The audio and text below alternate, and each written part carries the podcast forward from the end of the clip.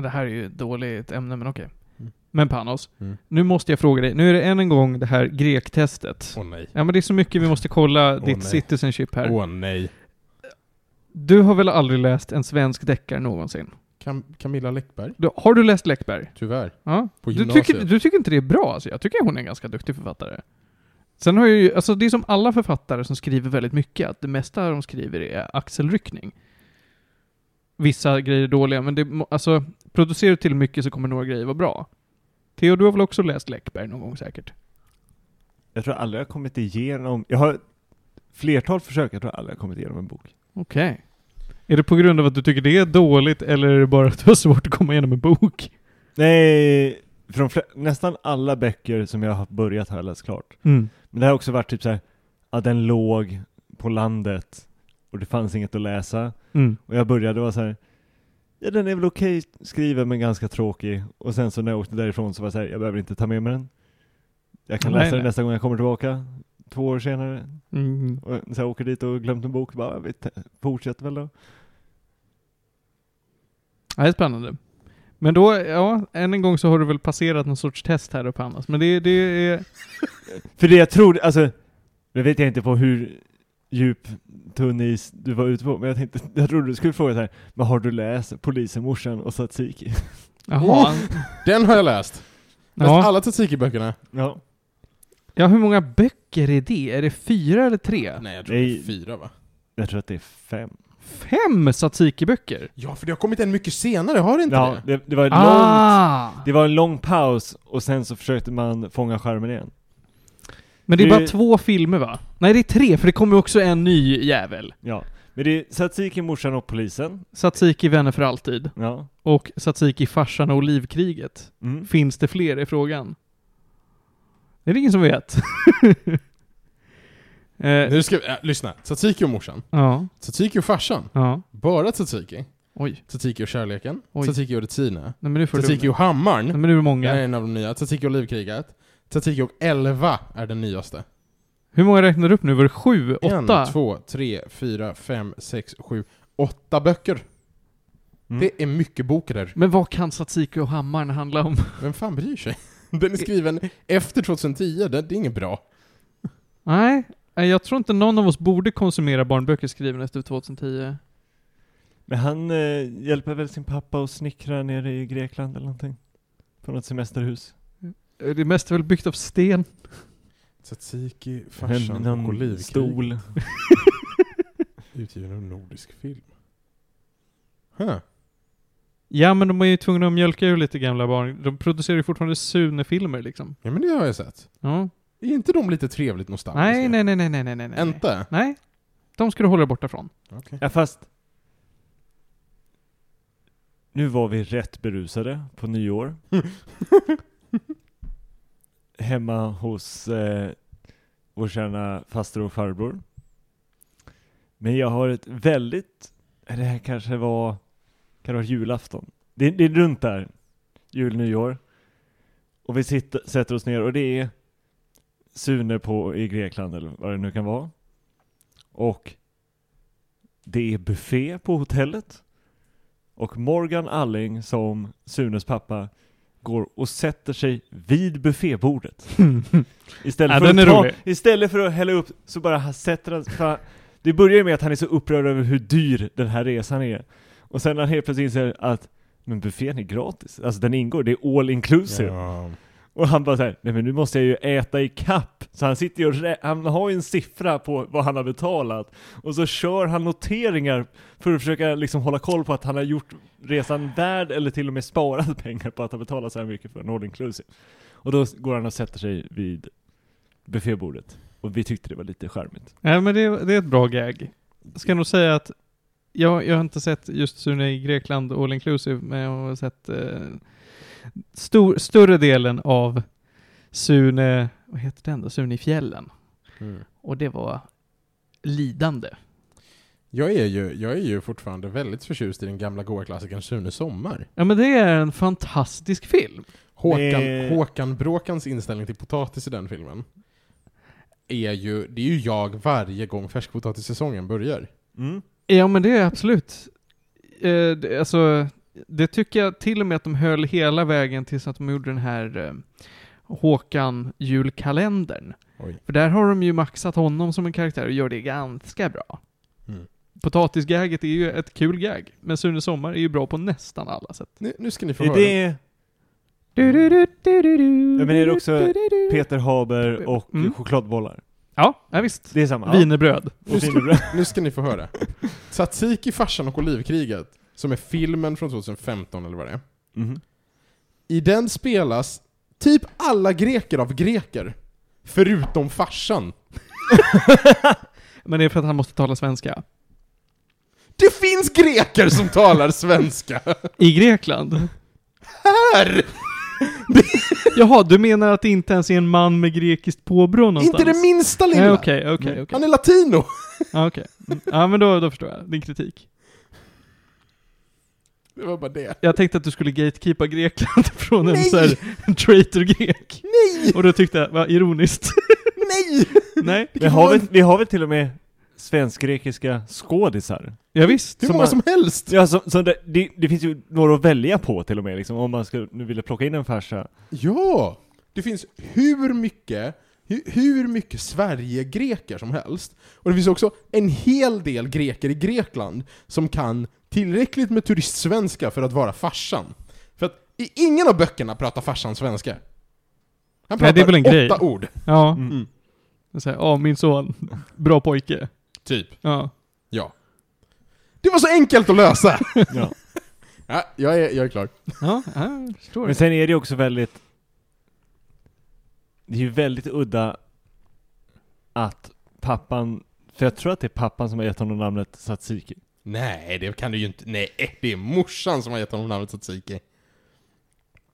Det kan väl inte vara pappan som har döpt honom Tzatziki? Alltså om man tittar Nej, på hur... morsan kan han nog först, men han har ju godkänt det. Eller? Ja, nu... Mm, Lår, mm. Äh, det, det är orimligt om det, om det jag påstod var sant. Jag, jag hoppas det inte är pappfarsan som har gett honom... För då är det någon som har gjort en chansning av det grövaste. Det var så... Morsan har döpt sin son till Tzatziki efter sin favoriträtt Tzatziki. Så står det på Wikipedia. Det är Okej. det här jag kommer ihåg. Ja, okej, ja men då, då... För farsan är bläckfiskfiskare och en rimlig person, typ. Ja. Ja just det. För hon träffade honom bara på någon semester och sen är det... Ja. Ja okej, ja. Ja. Det stämmer. Alltså, s- så här.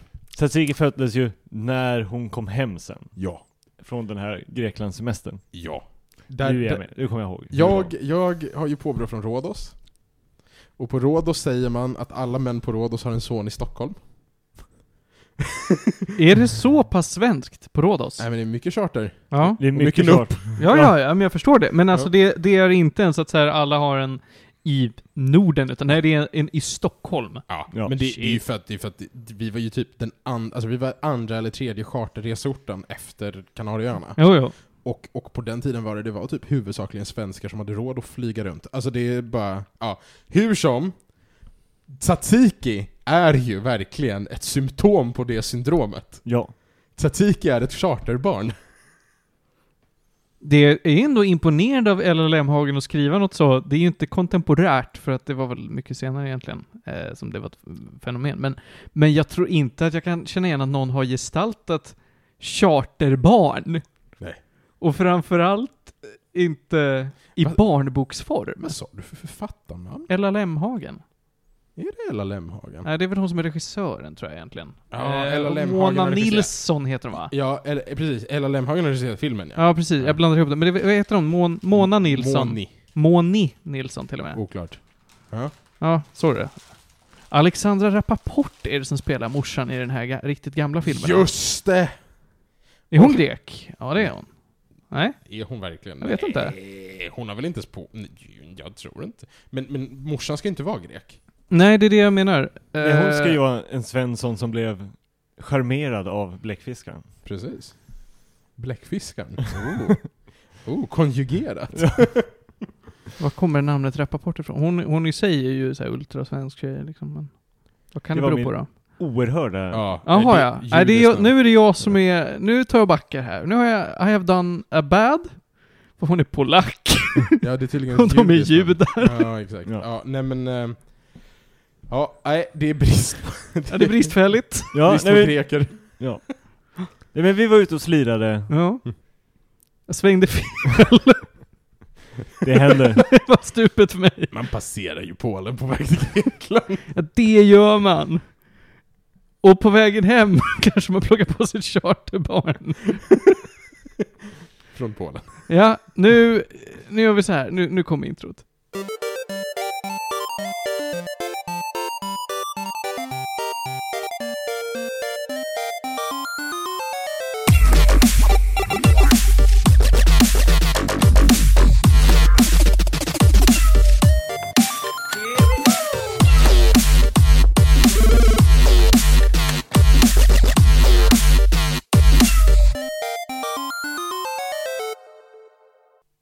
Mina vänner, välkomna till en ny grabbspecial av Medis Radio, podcasten om all typ av möjlig fin och full kultur. Theo Tapper, du är tillbaka igen. Ja, i värmen. Ja. Åter in i denna fantastiska ba- bastu som vi kallar för studion. Hade det här inte varit en ungdomsförening så hade ju du blivit inröstad i någon form av styrelse nu, bara av princip. Det är nästan olagligt att vara med så här mycket utan att vara med. Ja, fast jag sitter ganska bekvämt på den här roterande stolen. Mm. Och har väldigt lite ansvar och bara glider in då och då.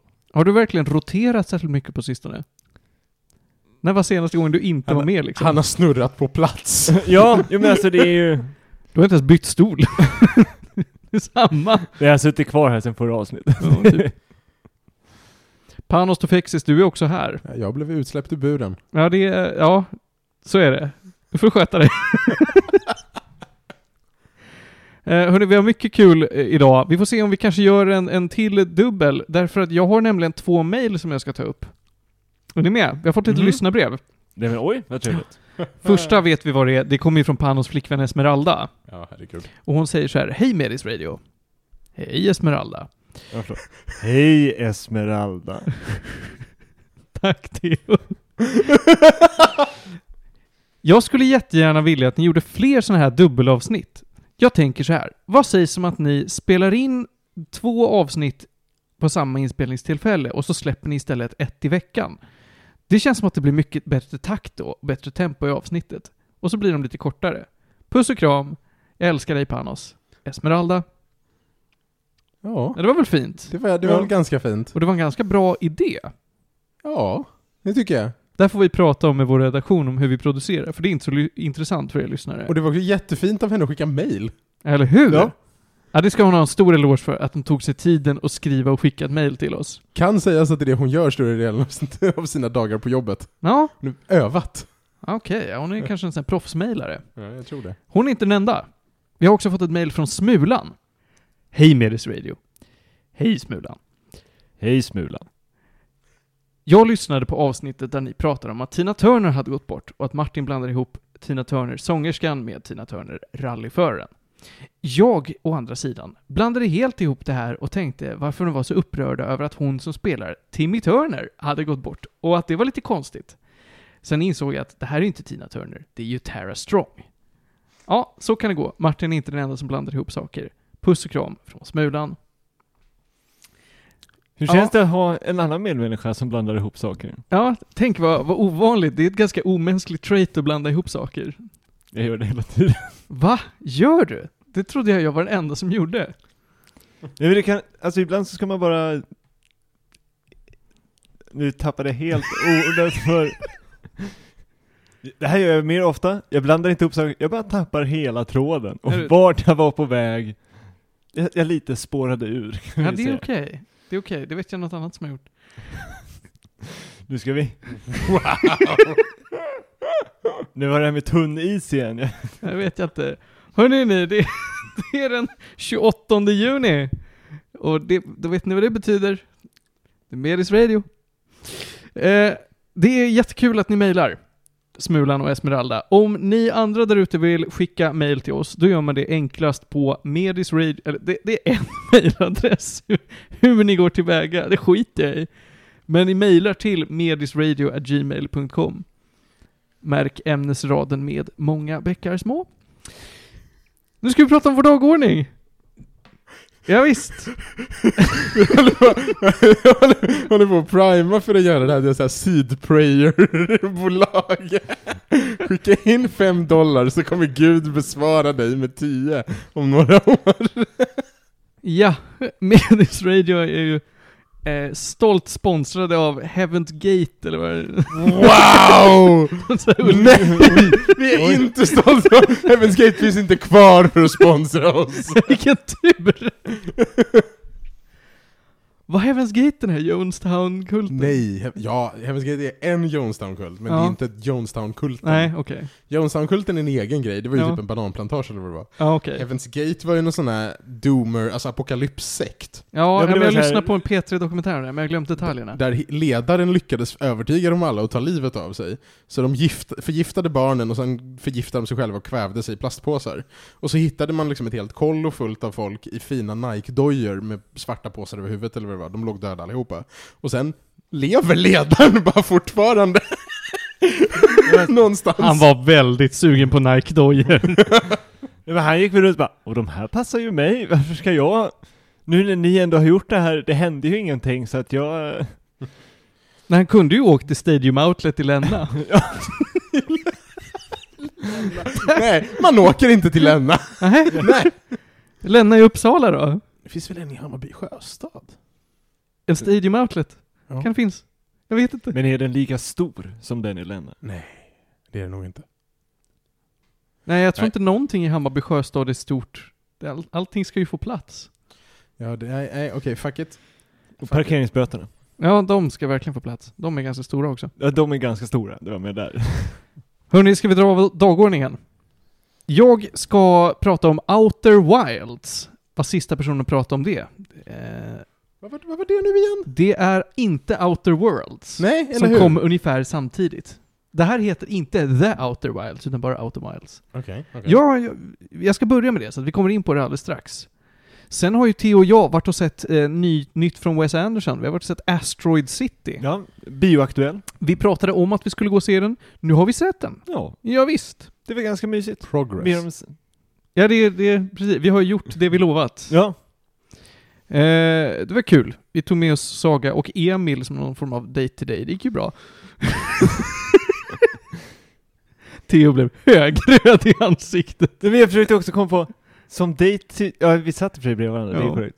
Men det var också hur du sa, och det gick ju bra! Du kan Men- Theo bara, har jag missat något? ja, det är, så här, är det något jag inte kommer ihåg? Nej, jag försöker bara jävlas med dig och lyckas jättebra. Ja. Det, Ja, vi åkte ju tunnelbana tillsammans hem, så att Ja, du ser.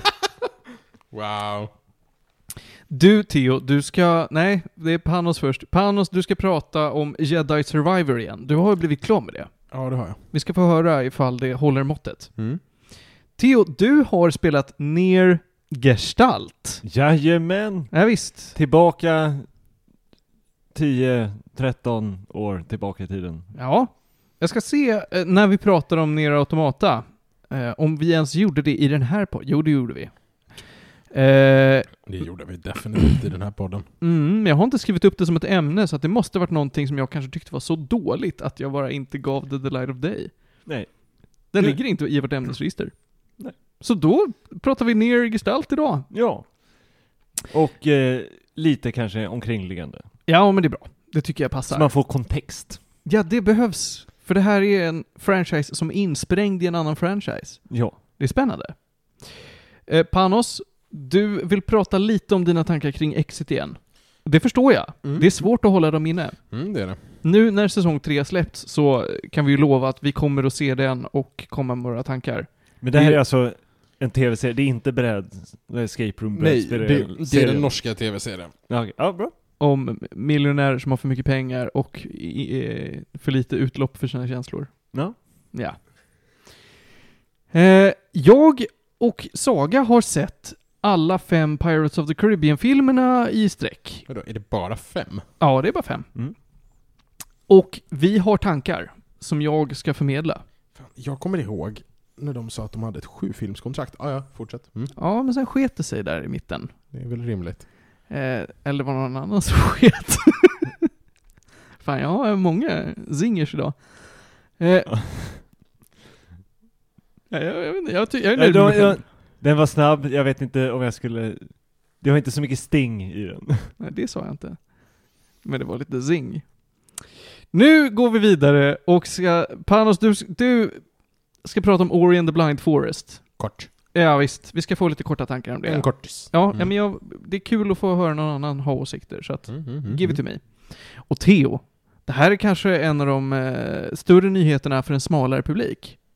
Du har spelat en match Warhammer 40K version 10. Jajamän. Det har kommit en ny regelbok, de har vänt mycket Jag trodde upp och med att jag nämnde att den var på väg sist jag var här. Ja, det stämmer. Och nu har jag begett mig ut i skogen, kidnappat en god vän till mig och sen stod vi där i tre timmar med nya regler och tragglade oss igenom en match och hade väldigt roligt.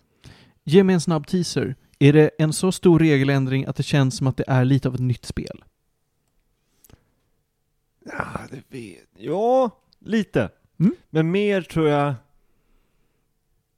Ja, vi tar det sen. Men det, det finns lite större ändringar än vad vi trodde att de skulle göra. Okej. Som vi såg fram emot. Spännande, spännande, spännande. Vi kastar oss rätt in i det, för nu har ni fått vara på halster, kära lyssnare, jättelänge. Och vad känns bättre att börja med än att prata om Outer Wilds?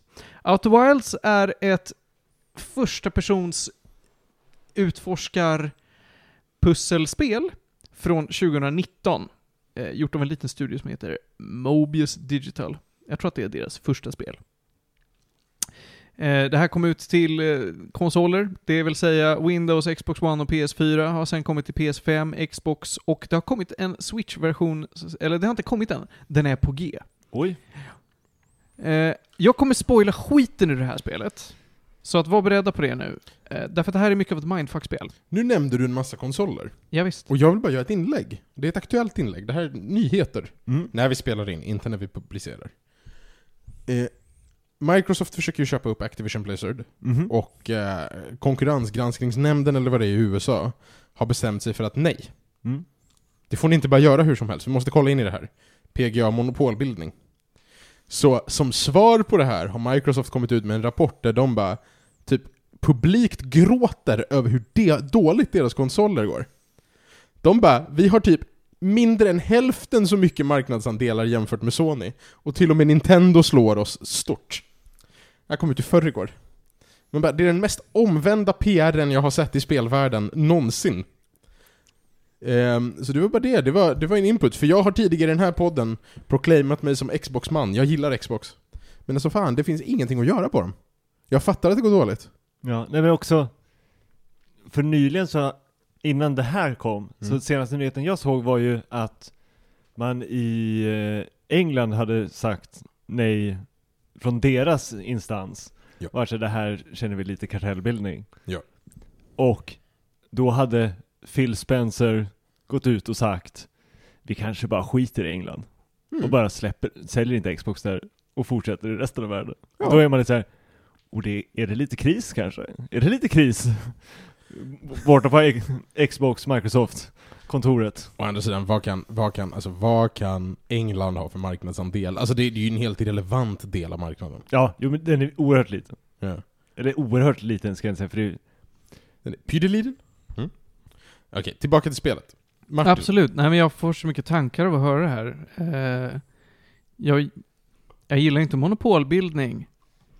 Men jag har heller inte så höga tankar om just Xbox. Men X, Xbox är en apparat som det kommer en massa spel till. Ja. Men jag ser ingen anledning till att ska du stå mellan eh, alla apparaterna så väljer du den. Nej men Xbox är ju verkligen, det är en PC till TVn. Exakt. Och du får typ in, nästan inget exklusivt. Nej. Nej. Och jag, som jag minns det så var vi, som podcast var vi generellt positiva till att Microsoft skulle ta över både Activision och Blizzard. Jo, men det För att skulle jag ändå säga. Activision och Blizzard suger på att ta hand om sig själva. mm. Ehm, så att det är ju tråkigt. Vi ska gå tillbaka till Outer Wilds. Så här är det. Du är en alien.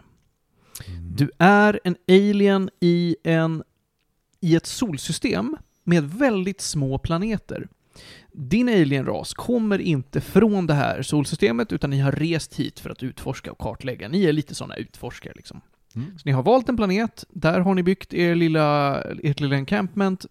Du är en person som för första gången ska resa ut och börja utforska systemet och kartlägga och lösa pussel, höll jag på att säga, men förstå lite vad det är som händer. Det är också väldigt tydligt att ni var inte först i det här systemet. Det har varit andra eh, sentient raser där innan er. Och de har lämnat efter sig mycket kultur, historia och hemlisar. Och ni vill ju såklart, som de eh, nyfikna ni är, förstå er på vad är detta? Vad hände med de här? Varför försvann de ur systemet? Hur funkar deras teknologi? Hur funkar deras kultur? Spännande grejer. Så, så det, här är, det här är spår, men hundratusen år senare? Ja, men det kan man väl säga. Mm. Du ser lite ut som någonting som är gjort i spår. Det här spelet går alltså ut på att du hoppar in i ditt rymdskepp, åker iväg mellan de här väldigt små planeterna. De de är små som att det tar 45 sekunder max att gå runt dem. Ja, alltså ja. om du skulle ställa dig på ekvatorn så tar det inte lång tid att komma tillbaka till samma punkt igen. De är jättesmå. Mm. Eh, det finns åtta planeter och alla beter sig väldigt konstigt och målet med spelet det finns ett slut, men du ska ju mer gå ut och utforska grejer och försöka lösa de här problemen. Eller inte problemen, men lösa mysteriet. Mm. Eh, det finns dock en, ett litet problem. Eh, solen i det här solsystemet mår inte så bra, så att 22 eh, och en halv minut efter att du börjar spela så imploderar solen. Eller ja, den gör en supernova. Herregud, det här är ju som, vad heter den? Deathloop? Ja, okej. Mm. Eh, Det betyder att eh, du har ju bara 22 minuter på dig att utforska hela solsystemet. Det är inte så lång tid. Det är tur att planeterna är små. Det är tur att planeterna är små. Väldigt Tänk vad jobbigt det hade varit om du bara, ah, alltså, eh, sätt mig och, och säg, vet du vad? Jag behöver no- kartlägga Danmark, det var 22 minuter. Det går. du tror det va? Det är Danmark. Det Ja. går. Ja. Du hit- Du hittar den högsta punkten bara så ser du allt. Ja, exakt. På en pall. Du ställer dig på en pall. Det finns en lösning. Mm. Och det är att när solen exploderar eh, och du dör, så vaknar du upp igen på samma ställe där du började. Det vill säga, du befinner dig i en time loop. Precis som i Deathloop, där du vaknar upp på en strand och säger "Åh!" Så här är det också att du vaknar upp runt en lägereld och säger "Åh, Vänta, jag dog ju. Och det gäller oavsett hur du dör. Det kan vara så att du ramlar ner från en klippa, att du blir stungen av en eh, elak buske, att du drunknar. Alltså Att- elaka buskar är ju det sämsta. Ja, det finns väldigt mycket elaka buskar i det här spelet, ska sägas. Alltså, de har inte särskilt, eh, eh, vad heter det, taggsäkra rymddräkter. Det ska sägas, de här rymdskeppen som de åker runt i är också gjorda med delvis plankor. Det är inget Kerbal Space Program här inte. Dock så ska jag säga att det är väl, alltså fysiken i det här är imponerande. För det är fett, fett mycket gravitationsknas. Mm. Kanske även används i en del pussel. Oh ja, om det gör. Eh, du måste också tänka med portaler, du måste tänka med tid, du måste tänka med diverse eh, naturlagar. Och det, det är vad du gör i det här spelet. Du åker från planet till planet, du hittar eh, oftast någon liten dagbokssida eh, kan man säga. Nej, men det är verkligen de här aliensen som har varit här innan, de har skrivit mycket på väggar. Mm. Och du kan läsa det här, du har en sorts översättningsapparat som säger vad det står. Och då är det allt från att någon har skrivit en dagbok till att du får se ett par barn som leker och har skrivit ner sin konversation med varandra till någon som sitter och försöker skriva poesi och så vidare. Och genom allt det här så ska du försöka lista ut att är det här viktigt för att lösa någon sorts pussel? Hur eh, tar jag mig in i det här rummet som verkar vara stängt? Eh, exempelvis. Spelet alltså, du har inget mål. Det håller dig inte i handen på något sätt och säger det här ska du göra. Du har väldigt enkla verktyg som presenteras på de första 10 minuterna och sen är det bara att tuta och köra.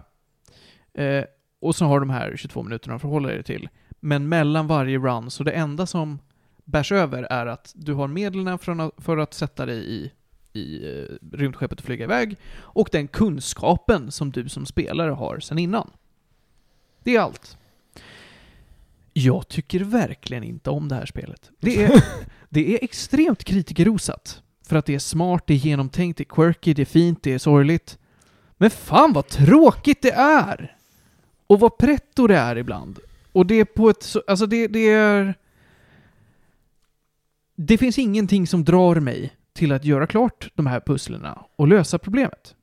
Det är så fruktansvärt tråkigt att jag är provocerad. Så jag, jag har spelat det här i 24 timmar, är klar.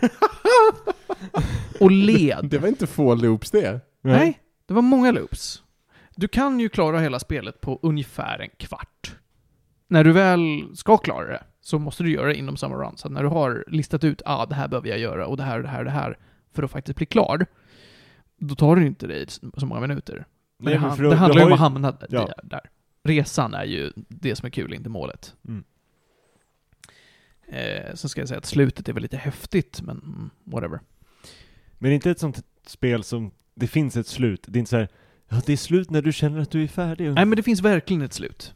Det finns absolut ett slut. Det det finns ju- ett endgame så som i, här har du låst dig till att uppleva slutet.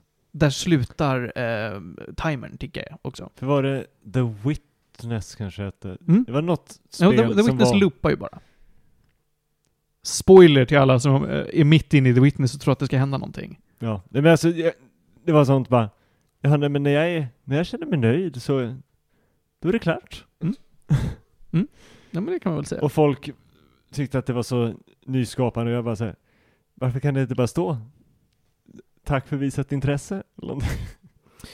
Det här, jag tycker ju på vissa sätt sämre om det här än The Witness. Det här är ju ett coolare spel än The Witness, för att The Witness bara har uppradade pussel. Mm. Eh, men det har ändå en sorts, här är ett område där det är de här grejerna du ska lösa och det kommer inte vara mer än det. Sen säger vi ingenting om hur du löser det. Och det är ett ganska skönt sätt att presentera information på. Outer Wilds har inte det. Du kommer inte veta när du är klar på en planet, utan du kan hålla på och studsa runt och försöka tänka att jag kanske hittar någonting mer. För du har nämligen i ditt skepp en lista på det här är en ledtråd jag har fått och det borde koppla till det här lite vagt. Det ger spelet dig under Mm. tiden som du hittar grejer. Men det är ju inte en checklist som säger det här är allt du har kvar att hitta. Mm. Den kan säga att jag tror att det saknas någonting på, i det här mysteriet och jag tror att det är på den här planeten. Vilket oftast stämmer då. Men det är inte allt. Och det är inte allt du behöver för att klara det. Eh, vilket gör att du är ju, alltså du som spelare ska ju gå in i det här och verkligen vilja lösa mysteriet av egen passion. Och det lyckades inte det här spelet göra för mig. Det lyckades inte dra in mig i mysteriet för att jag tyckte storyn var väldigt ointressant. Och då går det inte. Det är, alltså, Men skulle du säga att den, har den en story eller har den en setup? Bara? den har en setup on lore. Ja. D- Du har ju ingen story, utan du Nej. följer ju bara någonting som har varit. Ja. Du hittar ju vad som återstår av en Så förlorad civilisation. Mysteriet till att försöka förstå vad loren och alltså Mm. vad som hänt innan. Och där fanns det inte tillräckligt mycket att gripa tag i dig. Är det där? Nej, Ja, ja. Jag är både för bortskämd med att ha lite tydligare guidelines kring det här är vad vi tycker att du ska göra. Mm. Jag behöver inte ha en pil som pekar mig till nästa pussel. Men jag behöver ändå, jag känner för att uppskatta det här och kunna förstå hur mycket av spelet har jag kvar, vad ska jag göra, hur mycket av den här biten har jag kvar, så skulle jag behöva lite tydligare ramar Mm. som bara stänger in mig. Och en lore som bygger på att jag har en viktig del av det här. Just nu så är det väldigt mycket, du förstår att det finns ett problem som du kanske kan lösa, men mycket handlar ju bara om att du ska bry dig om de här döda aliensarna. Och det är inte nog. Likt, likt alla barn i den brittiska realityserien Super Nanny vill Martin inte, han vill inte ha svaret, han vill bara ha lite struktur. Jag vill verkligen ha lite struktur. ja. Och därför tycker jag att det här spelet var jättekast. Jag tittade på min Steam-recension av det här och jag gav den 4 av 10. Oh. Den här har ju fått så här 9 till 10 av 10. Folk säger att det här är det bästa som någonsin har hänt mig. Den har overall extremt positiva recensioner där ute. För att det är ett smart spel. Med lite pretto. Ja, jag tycker inte det är smart och roligt. Det är Nej. det. Det är som The Witness ett konstverk. Och det är ett väldigt välgjort konstverk. Men det är inte ett konstverk som är kul att interagera med. Och där har du min recension av Outer Wilds. Tyvärr, inte den här gången. Det får mig lite som ett experiment, för det är ett spel som jag inte har spelat själv än. Jag har faktiskt lagt det på hyllan av en anledning. Jag för mig att det heter Her Story. Vilket är ett detektivspel då du tittar på videoklipp och eh, knappar in Just det. eh, sökord. Just det, det här känner jag igen. Det här var ju också ett konstverk. Ja, det är mer ett konstverk än ett spel, det är också ett sånt spel där man kan väl pussla, målet är att försöka pussla ihop storyn och vad som egentligen har hänt. Men jag tror att spelet säger aldrig du har, Nej, du är inte ut. klar. nej. Utan du, du ska känna dig nöjd med att du har fått alla pusselbitarna du har hittat på plats. Och det här känns som ett spel som man ska nog vara två, tre stycken som sitter där med anteckningsblocken och diskuterar samtidigt. För jag tror att sitta och spela det själv är ganska tråkigt. Jag kan förstå lite av att det här är ett spel... För det är ju, då är det bara Google search bar the game. Jo, jo, jag, jag hänger med. Jag, jag förstår att det inte är en lika lika gripande setting som det här, för det här är ändå eh, rymden, det, det ska kännas lite tomt och ensligt och sånt där. Mm. Det, det finns en mysfaktor i det. Med allt vad det är tyst och eh, ensamt i rymden ger dig. Och då är det kanske bra att man sitter och spelar själv. Ja men, det här pusselspelet, Mm. Men Her Story, där är det verkligen här grabbar, nu ska vi sätta oss och verkligen försöka pussla i videoklipp. ja, nej, men, och där tror jag att jag skulle nästan vilja spela det med dig för att se om du får samma upplevelse Mm. av den som av, även om de är två olika, det ena är ett single, alltså single player pussel, man sitter där själv och nöter, och det andra är mer en konstnärlig installation höll jag på att säga, men, eh, Nej, men, men det... det, är, men det är ett videoteam som sitter och kollar igenom gamla inspelningar från ett förhör mm. och försöker pussla ihop vad som faktiskt hände i den här utredningen. Det är lite såhär cold case. typ. Jo, men precis. Jag tycker att det låter som att båda de här spelen har för lite spel i sig. Det är för mycket konst och verktyg som presenteras för dig. Du får en sandlåda. Jag gillar inte sandbox-spel. Jag gör ju inte det tyvärr. Men hade Her Story haft lite tydligare ramar på nu har du pusslat ihop det här blocket av storyn och sen i slutet så kan det läggas fram för dig som att ah, här har du storyn, snyggt jobbat. Då Ja. tror jag att, att jag hade nog, nu inbillar jag mig det eftersom att jag inte spelat ännu, men tyckte att ja men nu finns det tydlig struktur nog för att jag ska kunna tycka att det här är intressant. Ja. Nu är det bara att jag sitter med videoklipp i Google. Och behöver ha penna, papper anteckningsblock på sidan av istället för att det är ett extra verktyg i spelet redan så att jag kan få se att det man gör faller på plats på ett annat sätt. Få knyta ihop spelet, äh, säcken i spelet så att säga. Inte bara i ditt hjärta. Mm. Ja, det var fint. Jag tror nog vi ska avsluta med, med just det fina. Eh, vill ni debattera med mig om detta, så snälla mejla era åsikter till medelsradio.gmail.com. För jag vill bli... Jag vill försöka få någon sorts eh, fason på varför tycker folk det här är bra. Eller varför tycker folk det här är kul? Kul framförallt. Bra, jag, jag ser ju det konstnärliga värdet. Men nu går vi vidare. Nu ska vi prata om något helt annat förstår jag. Ska vi se om jag har någon fin övergång här. Jo, just det. Vi har ju pratat om rymden nu. Och nu ska vi prata om några som håller på att spana lite ute i rymden. Vi ska komma ner på jorden och eh, prata om en prisutdelning för unga vetenskapsbarn eh, på en liten det är, inte, det är inte en eh, forskningsstation direkt, men det är ju nästan det. Det är nästan lite av ett observatorium. Vi ska prata om Asteroid City. Ja! Den här är jag, jag är lite intrigued ändå. Det tycker jag att du ska vara. Det tycker jag att du ska vara. Theo, vill du dra storyn, eller vad, vilken ända ska vi börja i? Jag vill nästan Ja, prata casten först. Ja men vi, jag tror vi ska börja med lite setup. Okej. För det här tog, det här har, jag, har man inte sett i trailers eller någonting. Och det tog mig lite, jag blev lite överrumplad. Men, och för, försiktigt nyfiken på hur det skulle hanteras. Eh, vi kommer återgå till om det faktiskt landar eller inte. Men när den öppnar så är det som en eh, ja, jag är så dåligt tidsepok. Jag tror det är så här 50-tals eh, teater, tv, alltså Mm. mer en inspelad teaterpjäs. Då det börjar med att säga här har vi, eh, vad heter det, berättarrösten. Han för, börjar prata om så här, det här är vad vi ska se idag.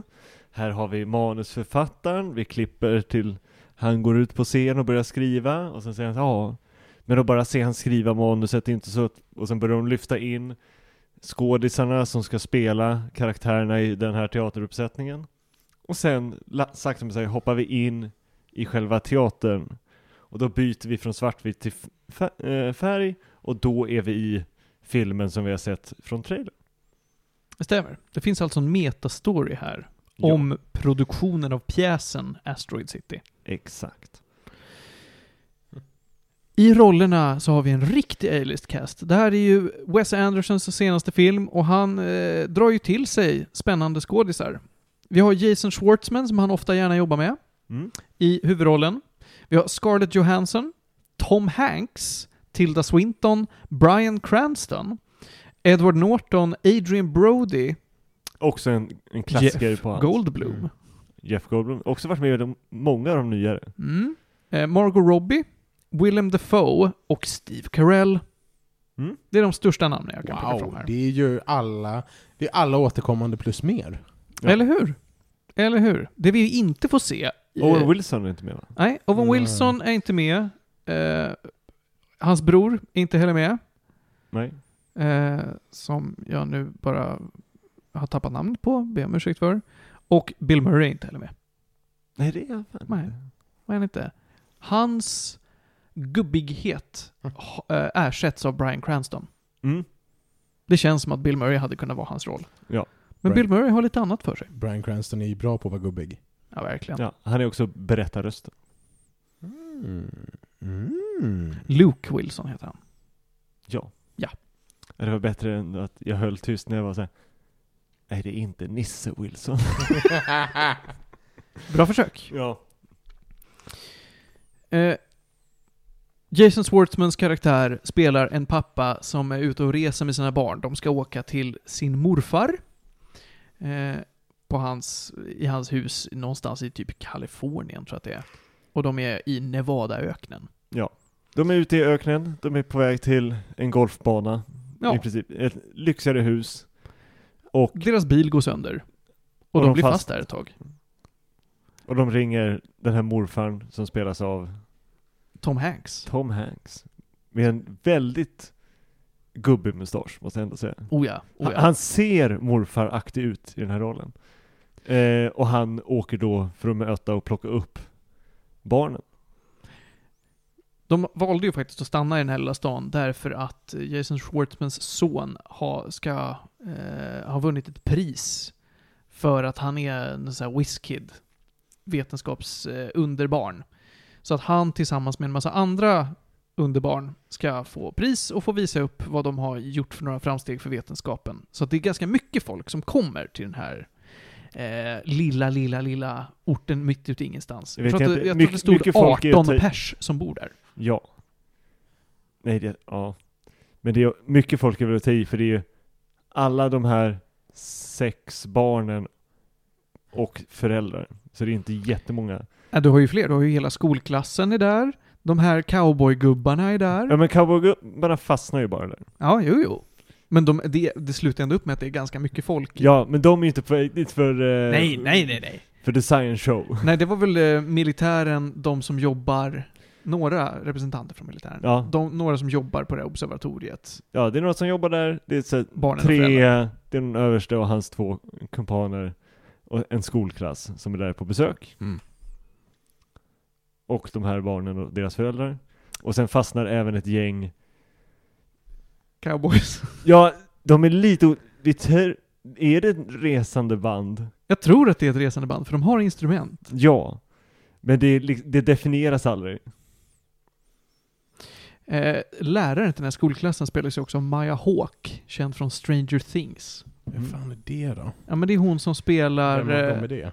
Det är hon som spelar Ja. eh, polaren där. Ja, hon det, som jobbar på filmuthyrningen. ja, och på eh, glassstället Och på först. glassbaren, ja. Ja, ja, men ja, ja, exakt. Mm. Ja. Charmig. Ja, charmig. Vad är det han heter nu? Han som spelar... Eh, Förlåt, men det gör, mig, det gör mig så upprörd att Maya Hawk är Uma Thurmans dotter.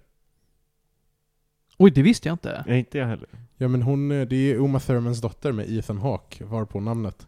Ja, ja. Ja, hon har pappas Mm. namn. Så Ethan Hawke och Uma Thurman, Det verkar så va? är de gifta? Oj, nu ställer du frågor. Eller har de varit gifta? Ja. Jag tänkte att det fanns en relation till Ethan Hawke. Nej, ja, de har varit gifta ja. Okej. De har varit ja. Shit. Eh, han, generalen spelas också av Jeffrey Wright, Mm. som vi bland annat känner igen från eh, han är med i The Hunger Games, han är med i Boardwalk Empire, han spelar i eh, Casino Royale och Quantum of Solace. Mm. Han är Felix. väl? Ja, precis. Han är också The Watcher i What If. Jaha, det ser man. Eh, han är jävligt bra. Fan vad jag gillar honom. Det finns nog ingen som jag inte tycker om. Men det är ju vissa som inte har ett lika starkt intryck på mig. Det är väl Nej. en av alltså cowboysarna har nog det svagaste intrycket på mig. Ja. Men det... De är ju där för ett skämt. Ja, typ. I princip. Vi ska också säga att det här är egentligen så mycket story vi behöver presentera. Det kommer hända massa hijinks Åh, under tiden. Mm. Älskar!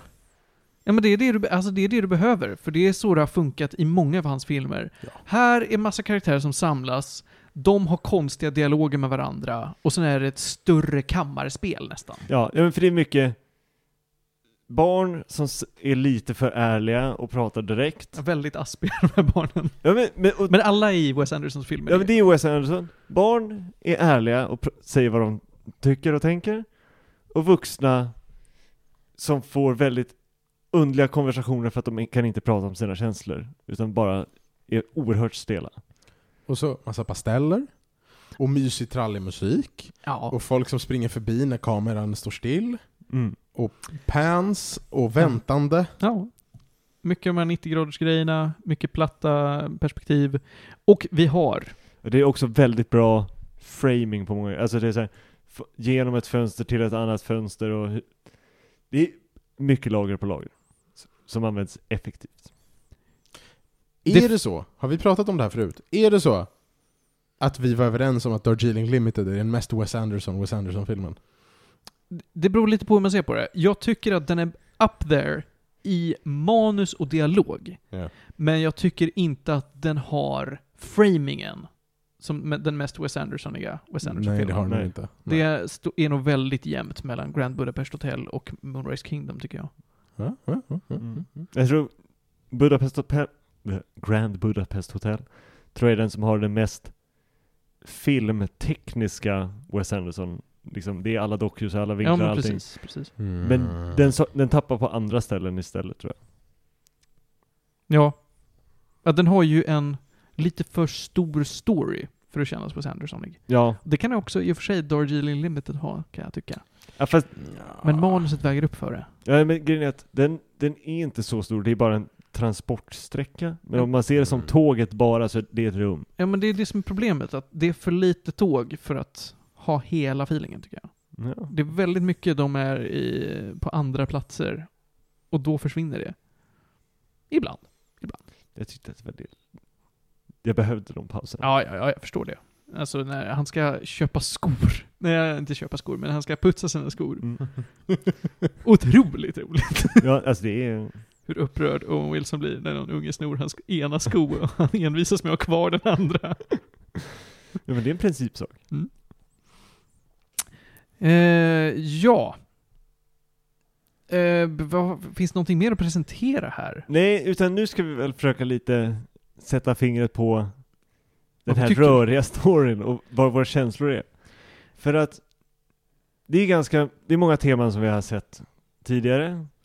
De är väl formade här också och väl presenterade. Och jag sa till någon, det är en två tredjedelars fantastisk film och en tredjedel som är okej. Mm. Mm. För det är, alltså, det finns många bitar som är jätte, jättebra. Och ju längre tid det har gått så är det så här, ja fast det där landade inte riktigt, och det där vet jag inte riktigt om det var... Hela... Att den är en... En... eh, tvåstegsraket eller jag på att säga, men att den, den Att det övre metastory. lag- ja, precis, den övre storyn av teaterpjäsen Det finns några fantastiska guldkorn Av skämt, egentligen. Nej, men, skämt och några liksom storygrejer mellan skådisarna som funkar bra. Men mycket av det tar bara tid. Och drar ur en ur den andra, alltså ur själva pjäsen som berättas. Det, fi- det finns en, en eh, scen som jag tyckte nog att jag hade velat ta bort helt. Är scenen när Ed, eh, Jason Schwartzman kommer till Edward Norton med en låda glass. Den är så dålig. ja, den, För den tillför ingenting. Nej. Utan tar bara lång tid. För jag bryr mig inte om skådespelaren Jason Schwartzman och eh, den yttre regissören Edward Norton, utan nej, jag är intresserad av vad karaktären Nej, men han i är- den inre storyn. han är inte regissör, han är manusförfattare. Är han bara det? Ja. Okej då. För Adrian Brody, Ja, just det, Adrian Brody är regissören. Förlåt. den före detta stora skådisen som nu är regissör och är bara Men det finns också väldigt många bra skämt med just när de kliver ur storyn och Adrian Brody är, tokrolig. Ja, Eh, och en väldigt fin scen när Jason Schwartzman och Margot Robbie får stå och prata med varandra om sina karaktär. karaktärer. Eftersom hon är inte med i filmen för hon är bortklippt.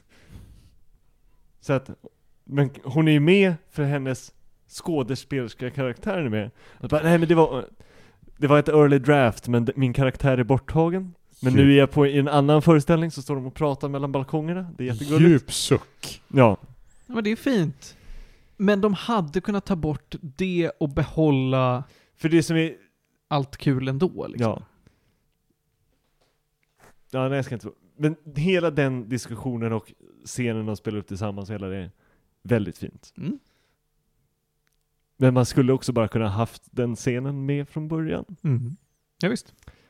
Och hela den, ska vi kalla det för teaterövningen som de klipper till hela tiden. Det, det kan vara bland det sämsta. Ja, ja verkligen.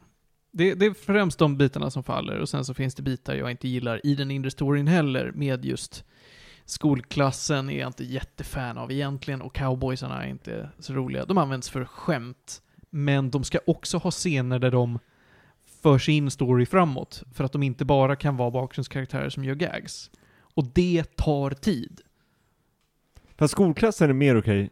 Ja, ja, absolut. Men Förutom om jag bara ska hitta fel. som är halvt här. Han har ett roligt skämt. Ja. All in all tyckte jag ändå väldigt mycket om den här filmen. Ja. Den levererade och trycker fortfarande, kan man tycka är konstigt för att de är, de, alla filmerna trycker ju på samma punkter, men det är fortfarande punkter som gör mig glad. Mm. Får man skratta, får man tycka att det är fint, ibland är det djupt. Jeff Goldblum har fyra sekunder screen time kanske? Ja, ja ungefär. Och jag tror att jag skrattade som mest åt det. Det, det- det, ja. det var min high, highlight i filmen tror jag. Jag kan, ja jag vet inte, jag, det är ingenting vi kan spoila. Nej. För det är highlighten. Men det är också någonting man gärna pratar om. Ja. Det är svårt. Ja, Men jag säger bara att Han är guld. han var guld.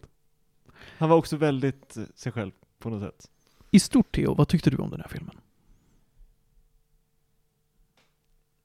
Det är inte min favorit av Wes Anderson-filmer. Men det var fortfarande en mysig film att se. Jag ångrar inte att jag gick och så- såg den. Och jag var nog mer... Jag var överrumplad på ett bra sätt när jag gick därifrån och visste inte riktigt vad jag tyckte. Och sen så har liksom pusselbitarna fått falla på plats och jag är så här, kanske inte lika imponerad nu. Jag kan se lite sprickor i fasaden. Men kände ändå att så här, ja, det var helt okej. Den är fortfarande bra. Den är stadig. 8 av 10, 7,5. Nej, 7,5 är snålt. 8. Jag håller med dig. Jag sätter en åtta på den här. Eh, både för att filmen, den inre storyn, börjar och avslutas på samma sätt. Med en roadrunner. Ursäkta. Ja, visst. Och i slutscenen så dansar roadrunnern. Och det är jättelöjligt, men jätteroligt. Det är en, alltså, det är en animatronic, så att man ser Ja. att den rör sig lite konstigt, som en marionett typ. Men det tillför. Ja, men de har ju ändå tre olika personer som har jobbat på liksom, Roadrunner Operators. Ja. och puppeteering och hela den biten, ja. Jag gillar, jag gillar idén av Roadrunners. Ja, jag med. Mm. Borde vara fler filmer med Roadrunners. Får ringa Acme. Pip, pip. Mm. Ja, men där har ni det hörni. Jag tyck, vi tycker att man ska gå och se den här filmen. Den är sevärd. Till och med mycket bra. Ja. Eh, vi tar raskt och hoppar vidare. Nästa segway kommer här i flygande fläng. Jo, vi ska fortsätta på rymdtemat. Vi ska ut, vi ska bakåt i tiden ännu längre än, ja vad kan vi vara någonstans, 50-talet och hoppa till en galax långt bort för Oh väldigt, boy. väldigt länge sedan. Oh boy. Panos, du är klar med Jedi Survivor. Ja, det var jag. Det var jag. Och eh, jag började ju berätta om det här spelet för ett par avsnitt sedan. Det gjorde du, men du såg fram emot vad mer som skulle presenteras innan ja, du kunde säga någonting. Ja. Ehm, nu har jag spelat klart det. Ehm, det har varit drama. Det har varit Old Republic lore. Det har slagits mot Darth Vader. Folk har dött. Mm. Ehm, det har varit plot twists som jag tyvärr hade lyckats predikta precis. Jag hörde att de skulle vara ganska dåliga, de plot twisten. Ja, det var inget, det var inget spektakulärt. Ehm, och framförallt så satte jag mig igår kväll och tänkte spela spel. Och råkade bli klar med det. Okej, du säger att pacingen inte alls ledde fram direkt Nej men så här, så här. Jag, ehm, jag gick ganska länge. Det var vid någon punkt i Mm. början av veckan. Där jag var så här. Ja, med tanke på hur långa RPG är nu för tiden så antar jag väl att jag är, att jag är typ halvvägs. Jag blev klar med det igår. Det var kortare än vad jag väntade mig. Hur långt snackar vi? 10 timmar? Ja, vad är det? Ja, det är inte 10 timmar. Det är 15? inte 10 timmar. Men 15 typ. Alltså, ja. Jag ska, jag ska... Mm. How long to beat säger 19. De är ibland lite höga, mycket, måste jag säga. Ja, jag, det var inte 19. Nej. Det var inte 19. Det var, det var hur som helst en bra bit under 20 timmar. För ett spel jag ändå betalat fullpris för. Eh, eh, Sen du pratade om det här sist, fick du mer? Gav spelet dig så pass mycket mer verktyg och kul, eller är det bara att storyn tuggar på tills den är slut? Mm. Nej, så här. Ehm, I jämförelse med ettan så har du ju, du har ju lite mera talents att kunna späcka i, du har lite mera olika weapon stances, du har mer customization. Du kan vara lite mer varierad i din spelstil. Jag tyckte inte allt det var så jävla värdefullt. Är det för att fienderna inte kräver att du anpassar dig efter dem? Dels det, dels för att, alltså, ja, lite st- stolpigt, lite... Alltså det, ett, par, ett par stances var liksom bara så här, jag, jag ser inget klart use case med det här. Det är bara så här, ja, jag kan hålla lasersvärdet i en hand och ha en pistol i den andra, men fan bryr sig? Varför ska jag göra det för? Alltså, alltså nej men, nej men alltså så här. eh? Ja, men det var ett val bara för att fylla upp ett extra val. Alltså typ. Så, ja, men du kan välja det här. Det finns ingen anledning, utan bara om du tyckte det såg coolt ut så kan du få göra det. Jag bara lev med det. Jaha, Ja. ja okej, I guess. Jag kan skjuta tre skott innan jag börjar recharga, vad bra, vilken grej. Nej men, eh, mycket sånt. Jag, alltså jag fann ju mig själv med att välja två stances och typ hålla mig till dem hela spelet, Mm. i princip. Eh, Sidequests var inte kul nog för att man ska gå och grinda dem, så jag kom inte jättelångt i Talent Treat. Det är liksom ganska begränsat hur mycket poäng man får under kampanjen. Eh, och då var det också en sån här grej, alltså så här, vissa sidequests hade säkert varit jätteroliga, men problemet de har repeterat är ju att så här, för det första, varje gång du sparar respawnar alla fiender. Mm. Mm. Ja, det är ju Souls. Precis, så du går ju igenom en zon, håller på att dö tre gånger för att det här spelet försöker vara mer souls-like. Så sparar du, och sen när du är klar med det sidequest och går tillbaka, då är det bara nöta igen. Ja, det är ju det där med att det finns quests som får dig att springa omkring. Det är Mm. det som är eh, vad jag inte alltid gillar i Souls-likes. Nej. Ehm, inte, inte jag heller va? Nej, därför att mycket av att zoner respawnar handlar ju om att du ska bli expert på det här området. Ja. Så att när du sprungit igenom det till många gånger så kan du det som ett rinnande vatten. Men det handlar ju om att du vill ta dig till nästa område där du gör ungefär samma sak. Inte att du vill komma och gå lite genom det området. Det är därför vi har shortcuts. Det är Mm. därför vi har eh, teleportering. Därför att det, när du väl har bemästrat det, så finns det inget syfte med att du harvar där. Nej. Är det någonting som eh, du kan känna igen dig i här, Panos? Ja, alltså det är väl lite så. Dels finns det fiender där jag bara så här, till slut så var jag bara så här. Nu vet jag hur jag ska göra. Det är bara tråkigt. Också jättemycket fiender. Och det tycker jag om. Det här, det här, det här ska de ha ett bonus för. Där brukar jag prata om när jag pratar om den här typen av spel. Eh, när ett spel ger dig någon form av, av liksom character fantasy, alltså du är en jedi. Mm. Du är en, alltså du är ju literally en, en trollkarl från galaxens forna stora imperium. Du är skitläskig. Fan vad du är läskig. Du ska vara jätteläskig. När det kommer en stormtrooper och tror att de kan slå dig, då ska du bara krossa dem. Stormtroopers, och eh, vad heter det, och, en, och så finns det också så här fiender från såna här Clone Wars-droider. Okej, är de kanonmat? Ah, Och det är kul? extremt Ja, jag tillfredsställande. förstår det. Man kan stompa dem så jävla hårt. Ja, men det är som i det här, eh, vad heter det? Force Unleashed. Ja, precis som det ska vara. Ja, Ja, ja. men alltså det ska vara en, två, Ja. Inga problem alls, utan det är så här, ah shit, de är 20 stycken, en kanske kommer nudda mig.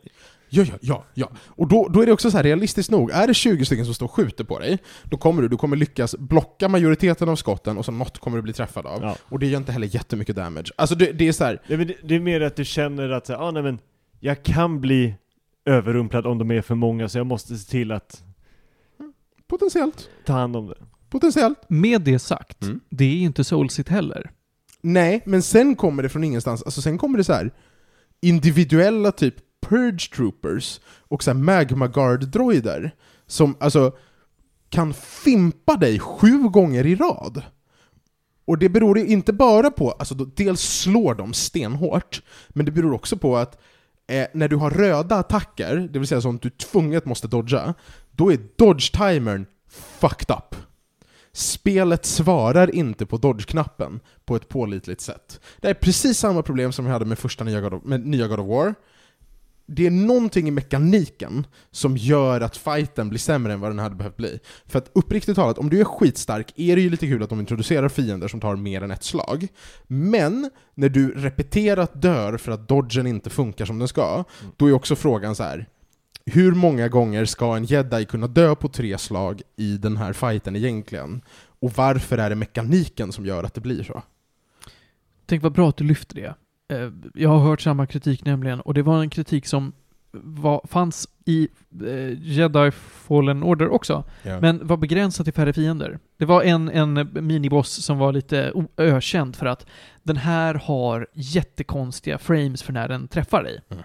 Den eh, träffar dig i början av sin attack, inte i slutet, vilket Mm. skulle vara logiskt. Mm. Men här får du det nästan att låta som att det är hela fiendetyper som har det här problemet. ja, nej, det är återkommande i hela spelet. Aj, aj, aj. Det är återkommande i hela spelet, eh, det är ganska mycket bossfighter som blir jävliga på grund av det. Där man också så här, där man också sitter och är så här, alltså du vet, nu har jag gjort den här, nu har jag kört den här bossfighten 15 gånger och blivit ganska duktig på timings på de flesta attackerna. Men den här attacken klippar typ varje gång, så det spelar ingen roll vad jag gör. Eh, Ja, då blir man sur. Ja. Många har beskrivit det här på nätet som ett bättre spel än Fallen Order, mm, det är det. men som har för lite ny omf och gö- för att det ska kännas som att det eh, motiverar prislappen. Ja, men så är det ju. Alltså det är ju så här. det är ju inte sex timmar långt, så det är inte ett Miles Morales. Men, det är ju mer Fallen Order. Ja, men om man jämför igen med God of War. God of War eh, 7 jämfört med God of War Ragnarök. Ragnarök är ju mycket bättre efterföljare. Ja, visst är det det. Men det är ändå, de lagar mycket och de presenterar till mycket ny omf. Exakt. Medan här har man, man har lagt till grejer, och på något sätt har man också lämnat en lite trasigare produkt. Men Mm. det- känns lite mer som en, kanske en expansion. Alltså typ, det borde vara en expansion. Ja. Mm. Nu Ehm. jobbar vi inte så länge, men Sen är det, det är ju sjukt vackert.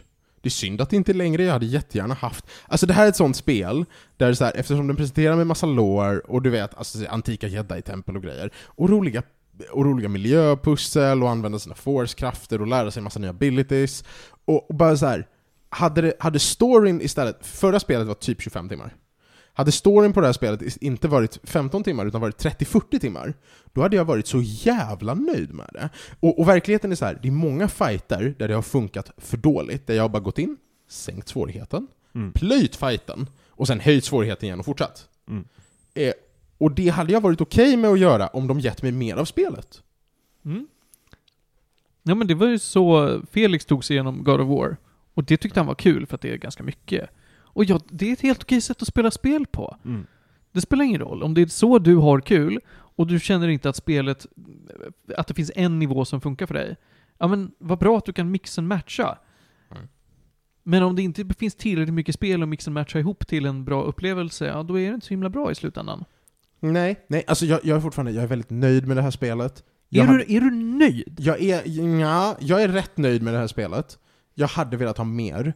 Det kan också bygga på att första halvan av 2023 är, det är ju det här spelet och Diablo för mig. Och jag måste klara mig till Spider-Man 2 och Assassin's Creed, som kommer i höst. Jag hade velat ha mer av det här. Det hade gärna fått ta upp några veckor till av min tid.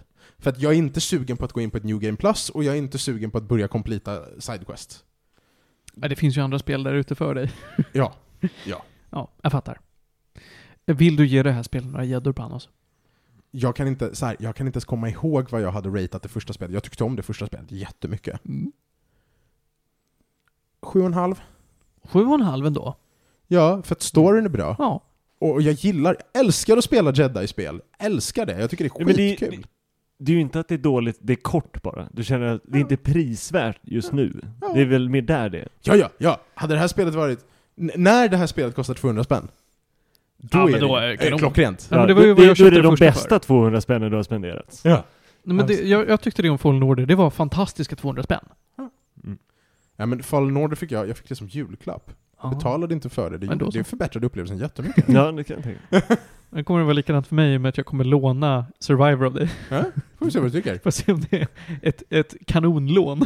Ja. Ett kanonlån är det säkert! Ja. Men då har inte du betalat för det, det är det, som är grejen. Nej, det är det.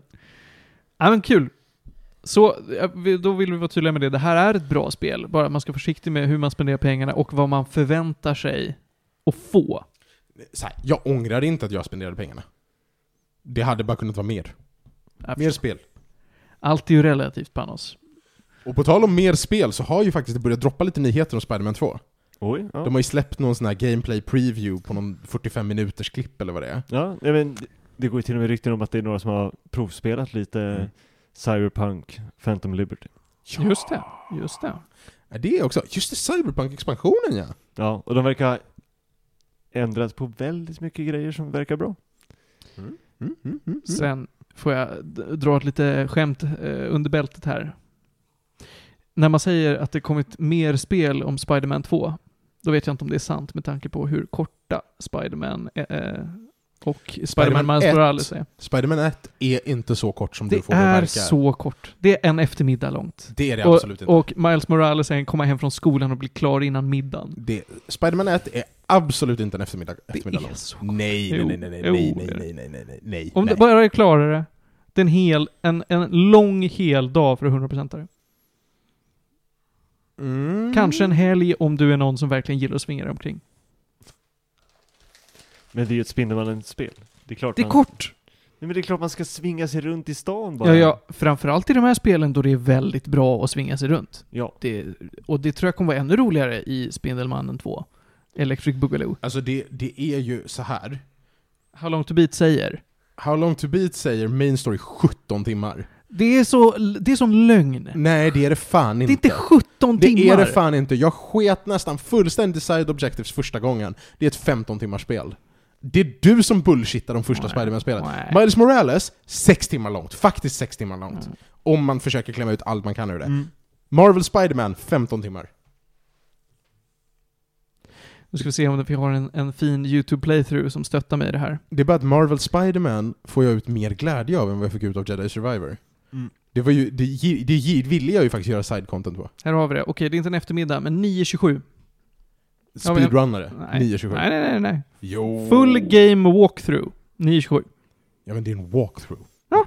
Då speedrunnar du det. Nej, det gör du inte. Det gör du ju. Nej, det gör du. Du sitter inte och speedrunnar. Du sitter inte och, och, och använder dig av faktiska alltså så här, tekniker. Det är klart att du, du spelar spelet med fokus att bli klar.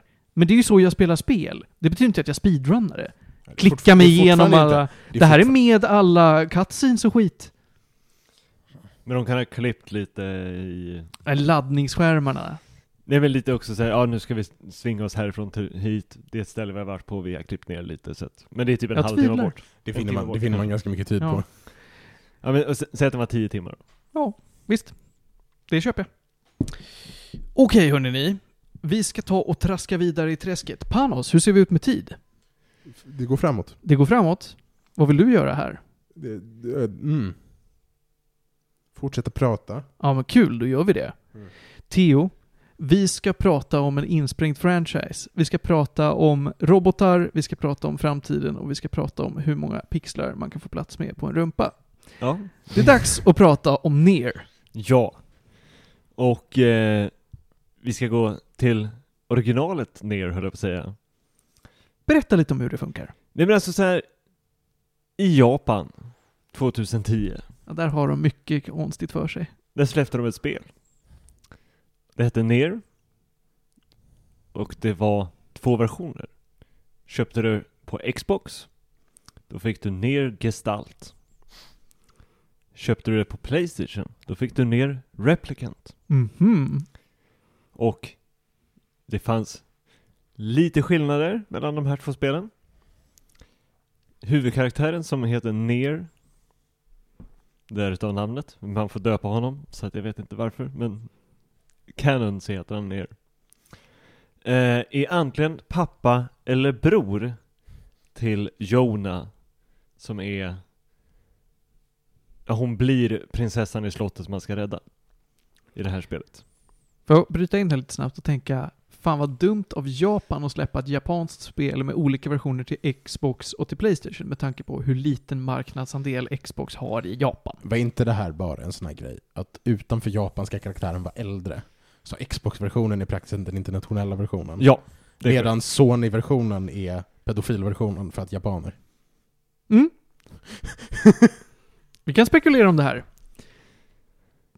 Är det väl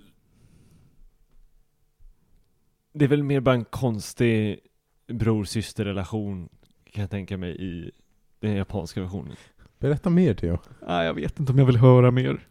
Japaner, alltså, alltså, japaner. jag, jag vet inte jag, jag tror att ni läser in för mycket För jag har också bara själv spelat ner Gestalt Den internationella versionen Men man är pappa Man har en dotter Som är sjuk och Sen kommer ett skuggmonster och tar henne Nej! Och sen måste man hitta henne Vilken double plight! Hon är sjuk och bortrövad! Ja men eh, hon har... Åh, det heter något jättetramsigt. Hon har svart text på armen som rör sig och håller på att äta upp henne. Ja, ja, såklart. Hon har en sån här... Eh, eh, hon har inte uppdaterat sina grafikdrivrutiner. Ja men ungefär så. Det heter något, just nu glömmer jag bort vad det heter. Det heter Nvidia. För de har ju också väldigt skärmigt pretentiösa namn på olika grejer. Ja, du har dina, din brorsa GeForce och din pappa Experience. Hon har... eh, eh, eh, Sisters Illness... Nej, det står inte vad den heter. The, Bra- the Black Scroll. The Black Scroll! Ja, så heter den. Det, det, det svarta kluddret. Yes. The Black Scroll. Det finns lite andra karaktärer som har det, men det här är när man håller på att bli en skugga. Man långsamt, långsamt så blir man ett skuggmonster. Och hon, hon kämpar och sen kommer The Shadow King Nej men, och tar henne. nej! Och det är lite jobbigt. Ja, Är det, så du måste ge dig av och rädda henne. Ja. det råkar inte vara han Knuckles. Han är, nu, nu ska du vara försiktig med vem du kallar Shadow King. Ja. Hur som, på ditt äventyr så träffar du eh, Laura Bailey tänkte jag säga, men hon gör rösten. Eh, till en... Eh, oh, nu ska vi vara försiktiga kommer jag just på, men till en tjej som är väldigt lättklädd. Utan att spoila eller någonting. Den här Ja, det kändes väldigt... Du har verkligen inte berört någonting här. Nej men jag, jag en- höll på att säga någonting som jag kom på Det är både en spoiler och kanske djupt vatten, tunn is, jag har ingen aning Ja, jag förstår. Nej men det är okej. Du träffar Laura Bailey säger vi nu. Ja, vi- man träffar Laura Bailey, som jag också tappade namnet på vad hon heter Ka- eh, Kaine heter hon, nu kom jag på det jag, jag vill säga Kane först och sen så det heter hon inte Kaine är väl tyska för inget eller inte typ. Ja Men, eh, och det är ganska mycket tyskt inspirerade ord i den här Du träffar även en flygande bok Som är din kompan Ja, ja. Det är han heter- Dr. Hakim. Grimgoire Alltså, alltid. Wise Grimwald Wise. Ja, så här, Grimoaren vit Ja, ja, ja. Och The Shadow King har, Tycker inte om honom. Han har Grimoire Noir Ja. ja, ja. Så Kan, att- pro- kan, kan boken prata? Ja, Okej, det är Dr. Hakim nu. ja eh, Också Laura Baileys kompis Som jag nu inte kommer ihåg vad han heter Mhm. Gör rösten till Gara i Naruto Han Mhm. heter Gissa vad han heter. Han heter Emil. Nej, Emil Nej, kommer Emil är en Emil annan kommer Ja. senare Nähä. Det kommer komma till mig sen Emil är ju en karaktär som är med i både ner och Ja. ner automata. Ja, Ja, fast Emil, när vi träffar honom här En ung pojke med ögonbindel Nej men. För när han tittar på saker så blir de till sten Nej men det får man inte göra. Nej, så Vad då bra. har han kommit fram till att jag knyter en ögonbindel runt mig själv Och eh, sen får man lära sig lite mer om att det är lite synd om honom Mm. Och sen får man väl lära sig att det är ännu mer synd om honom Och sen helt plötsligt ser han ut som i nästa spel Men Ja. det behöver vi inte spoila Nej det behöver man inte göra. här Sen, eh, ja men Man slåss mot monster, de här skuggmonstren Skuggarna tar över lite djur som slåss Det finns robotar i det här spelet också Man åker mellan Massa städer som har konstiga grejer för sig Och sen helt plötsligt upptäcker man att man inte ens är en riktig människa Nej men. Det är ungefär hela spelet Ja.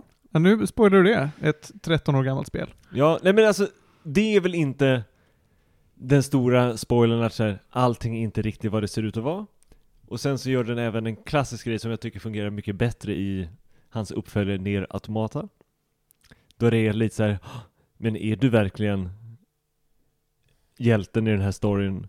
Eller är det så att skurkarna också har känslor? Ja just det. Det är bra, det tycker vi om. Ja, och lite sådana djupa grejer Det finns också en jättelång text-adventure-grej där du bara sitter och läser text i typ två timmar Hur är linjäriteten av det här spelet? För Nier Automata är ju inte ett linjärt spel. Det här är mer linjärt. Det Ja. finns lite side missions. De flesta av dem kan det skita Det får lite extra kontext. Men side missions i det här spelet känns mer typ så här. du kan få lite, låsa upp något vapen och lite grejer. Och pyttelite av det behöver du göra för att låsa upp ending B, C och D. Ja, ja. Det finns det ändå. Ja. C och D är i princip samma ending. Du gör olika val Mm. i slutet och när du har gjort C så bara ah, du har låst upp att du kan hoppa tillbaka till exakt den punkten så kan du få se det också. För, och på så sätt väldigt snälla.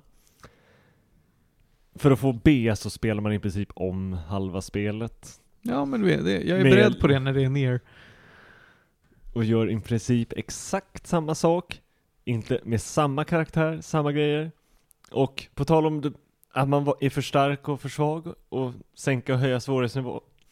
Här var det väldigt mycket, jag har det här vapnet som jag har maxat, som jag slåss med mot alla mobs, all trash och bara plöjer igenom.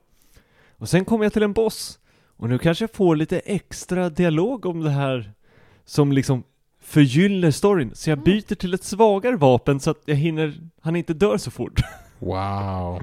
För tänk om jag skulle missa någonting när Ja, han pratar. Ja.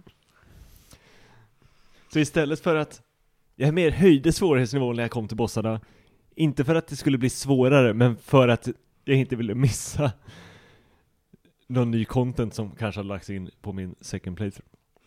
För att ställa en väldigt ledande fråga. Ja. Du verkar ju faktiskt bry dig väldigt mycket om storyn här. Ja men jag tyckte, det var väl mer ett experiment för att jag uppskattade Ner Automata väldigt mycket och ville se lite var det kom ifrån. Och förutom några lösa referenser så känner jag, man behöver inte ha spelat det här spelet. Eh, kontrollmässigt är det lite kaos. Det är inte jätte samarbetsvilligt, kanske är ordet jag skulle uttrycka mig. Ibland känns det som att jag och kontrollerna inte riktigt kommer överens. Eh, och det, det känns, det är bara mycket grejer som man har löst, finslipat eller implementerat på ett bättre sätt i det senare spelet. Vilket är väl kul att de lärde sig någonting. Det uppskattar vi alltid när någon har lärt sig någonting av sina misstag. Och lårmässigt så är det lite så ja ah, men det här är år, vad är det, så här, tre och ett halvt, fyra tusen, fyra tusen 27 eller någonting och Automata är så här 5000 någonting så det är, det är tusen år emellan spelen och det har hunnit hända lite grejer och man har ändrat lite på vad som har hänt. Så att det är lite så här, ja, shit happens. Men jag tänker på worldbuildingen, därför att det här är ju inte en franchise som existerar separat från eh, allt annat. Det, det Yoko Taro som har eh, skrivit och regisserat på de här spelen. Han har ju även gjort Drakengard som är ett annat spel.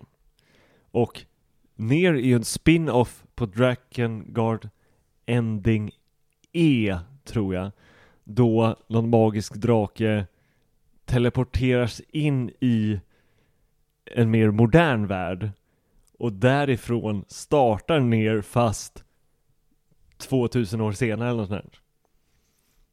Och sen så är ner automata nästa hopp fram Mm, för att se mm. vad som har hänt.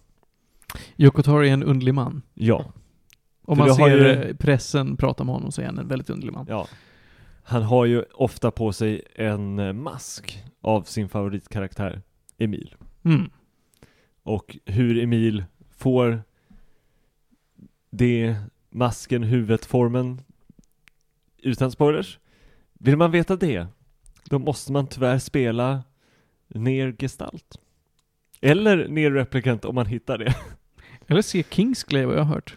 ja, det, mm, Ska prova i alla fall. ja, alltså någon måste ju se den. Ja, visst. Det går ju mycket rykten där om att det löser många frågor man har.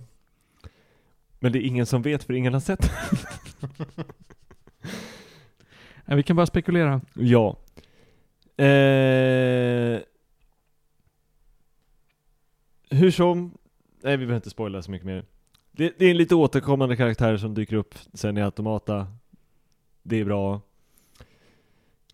Alltså, ja, prologen är 2049 händer det dåliga grejer och sen hoppar vi fram typ tusen år. Och eh, du tar hand om din dotter, du planterar lite grejer i din trädgård, du dödar monster, du ser personer försöka hantera olika situationer och långsamt göra val som du är så här, oh, det här, påverkade jag det här? Och så får man tänka efter lite och tycka synd om sig själv eller bli upprörd på sig själv. Och det är ungefär hela spelet. Ja, men då så.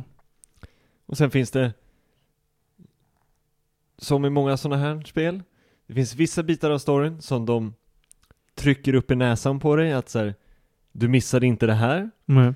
och sen och det här är också i både Nier Automata och i Nergestalt finns det andra grejer som också andra västerländska spel kanske skulle hantera på det sättet, alltså kolla vad duktiga vi är som representerar det här Medan här, fingertoppskänsla, blinkar du så missar du det. Det är bara accepterat och det finns hints om att vissa grejer är kanske mer komplicerade än vad de är. Men inte på ett, ja, det är bara invävt på ett naturligt, snyggt sätt. Och eh, det är imponerande att man kan både liksom klampa in som en elefant och även bara smyga in vissa grejer oerhört snyggt. Ja, vad roligt. Ja. Jag, jag vet ju att eftersom att jag inte gillade Nier Automata kommer jag tycka ännu sämre om det här. Ja, för det här spelet kommer ju motarbeta dig samtidigt som du vill uppleva det. Ja. Men tycker du att det finns ett mervärde, du som ändå har spelat dem i den ordningen också, att gå tillbaka från Automata till Gestalt om du vill ha mer? Är det värt det? Läs en Wikipedia, en Let's Play kanske. Jag Men skulle inte säga att det är också- värt att spela det faktiskt, det tror jag inte. Jag skulle ha velat göra det i omvänd ordning. Jag hade säkert också tyckt att det var lite bättre om jag spelade det 2010 när det kom, och inte 2023. Det låter rimligt. Ja. Vill du sätta några gäddor på det? Eller har du någonting mer du vill presentera? Nej men alltså det är en stadig sjua. Men vad fan? Du kan inte säga att det är sju och sen inte rekommendera det. Nej, men...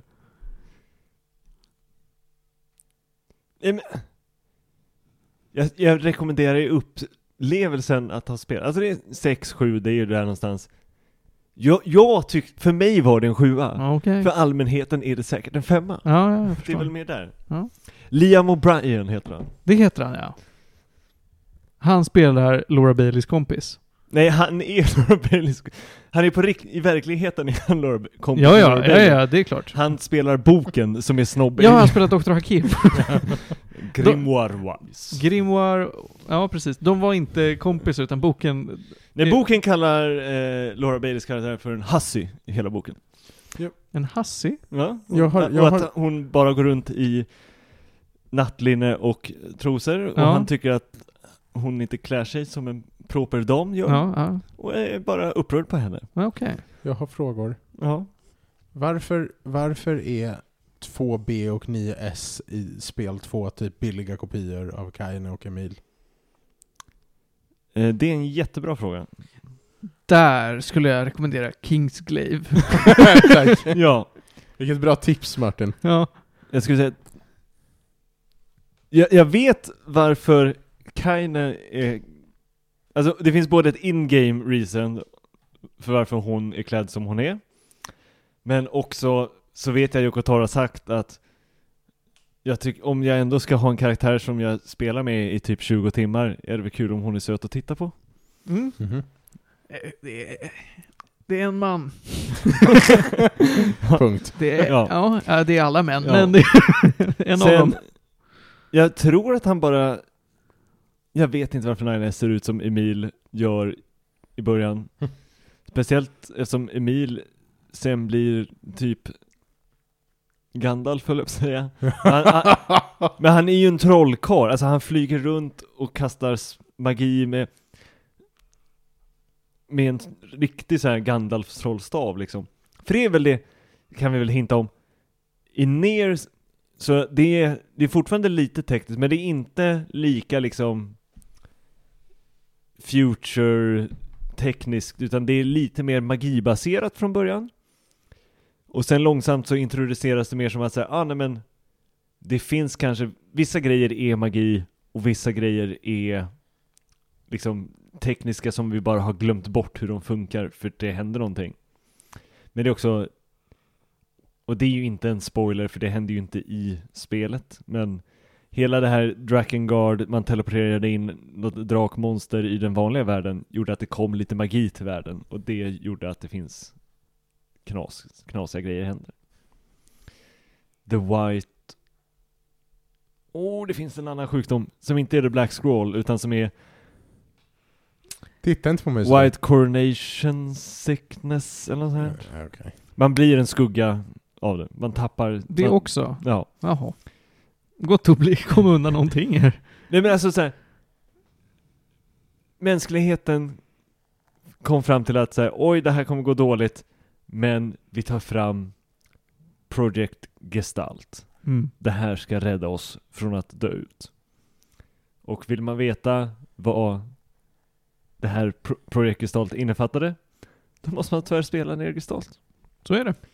Och då får man också veta att vissa personer, de är supervapen. Vissa personer. Ja. Alltså har vi då, om du är en japan, då kan du välja om du vill spela ner Gestalt eller ner Replika. Om du bor här i västvärlden, då spelar du ner. Du kan säkert hitta ner replika på Steam kanske. Jag, inte, jag tror att du kan få tag på den andra versionen. Jag är dock osäker på om den är översatt eller inte. Men det finns säkert en fan translation. Här ser jag ner Replicant på PS5. kanske har Eh, finns på Steam. Jag kan hitta ner Replicant på PS4. För 249 spänn. Det är så lättare än vad man tror att få tag i ner Replicant. Säkert. Jag hade ju min kopia av Nergestalt till PS3. Den som bara hette Ner. Mm. Och du har haft den liggandes? Den låg och dammade. Ja, jag förstår.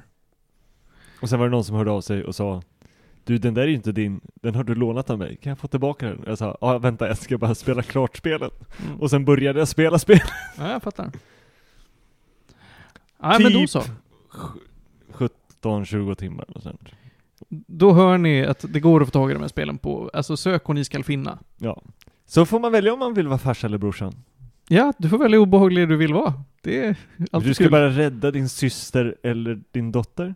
Ja, det är inte så obehagligt. Nej. Mm. Nej, då så. Nej, Vi släpper det och går vidare. Ja, det tycker jag vi gör. Panos, vad gör vi nu? nu ehm, ska jag prata om Norge. Det ska vi göra. Du ska prata mer om norska och svenska businessmän som gör tveksamma, nej det, det är rent klandervärdiga val. Ja. Nej men det, är inte, det finns ingen tvekan om att det här är... eh, Illa. Illa. Är det illa? Theo, eh, kan du något om vad Exit är för någonting? Nej.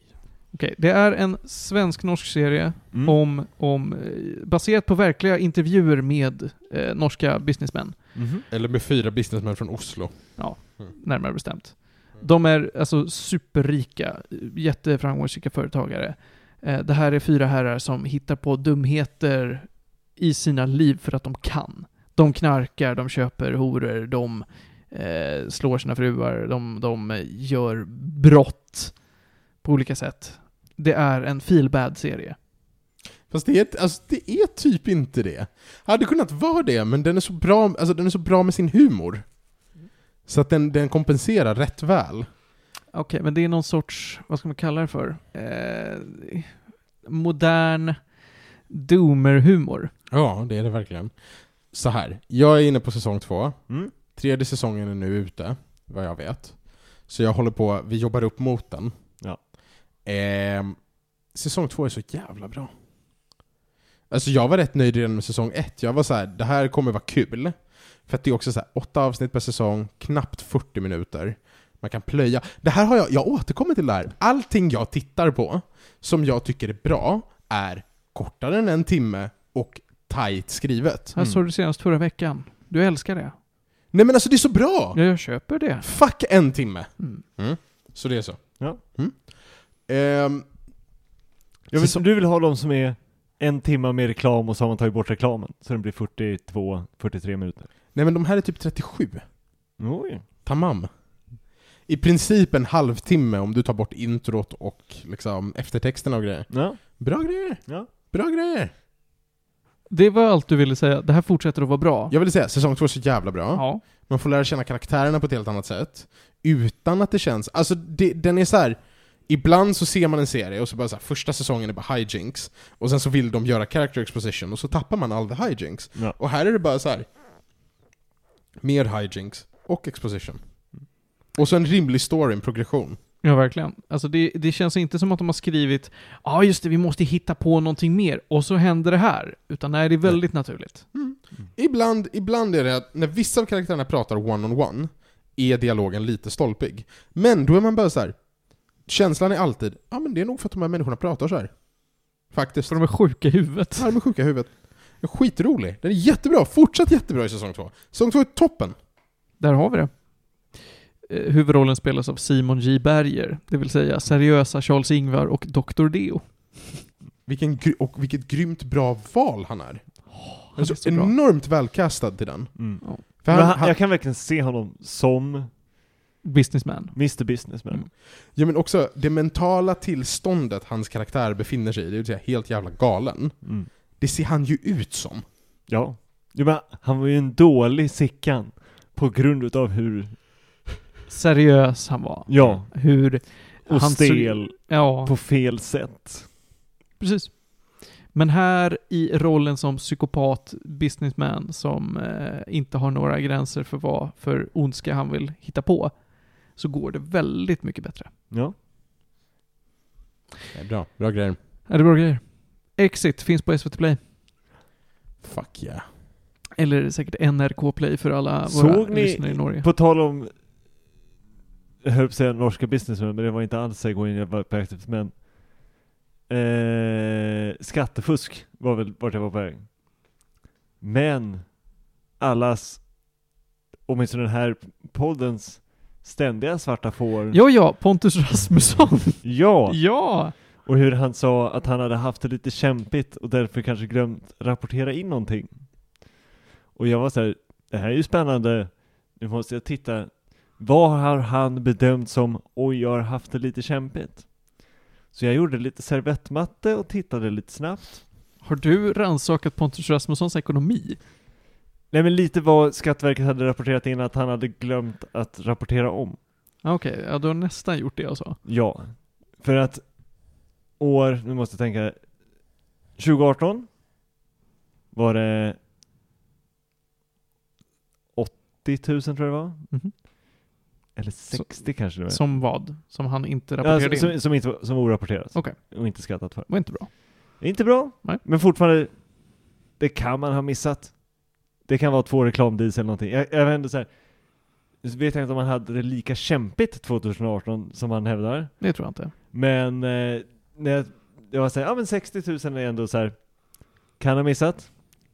2019, 120 000. Nej, men det är inte bra Pontus.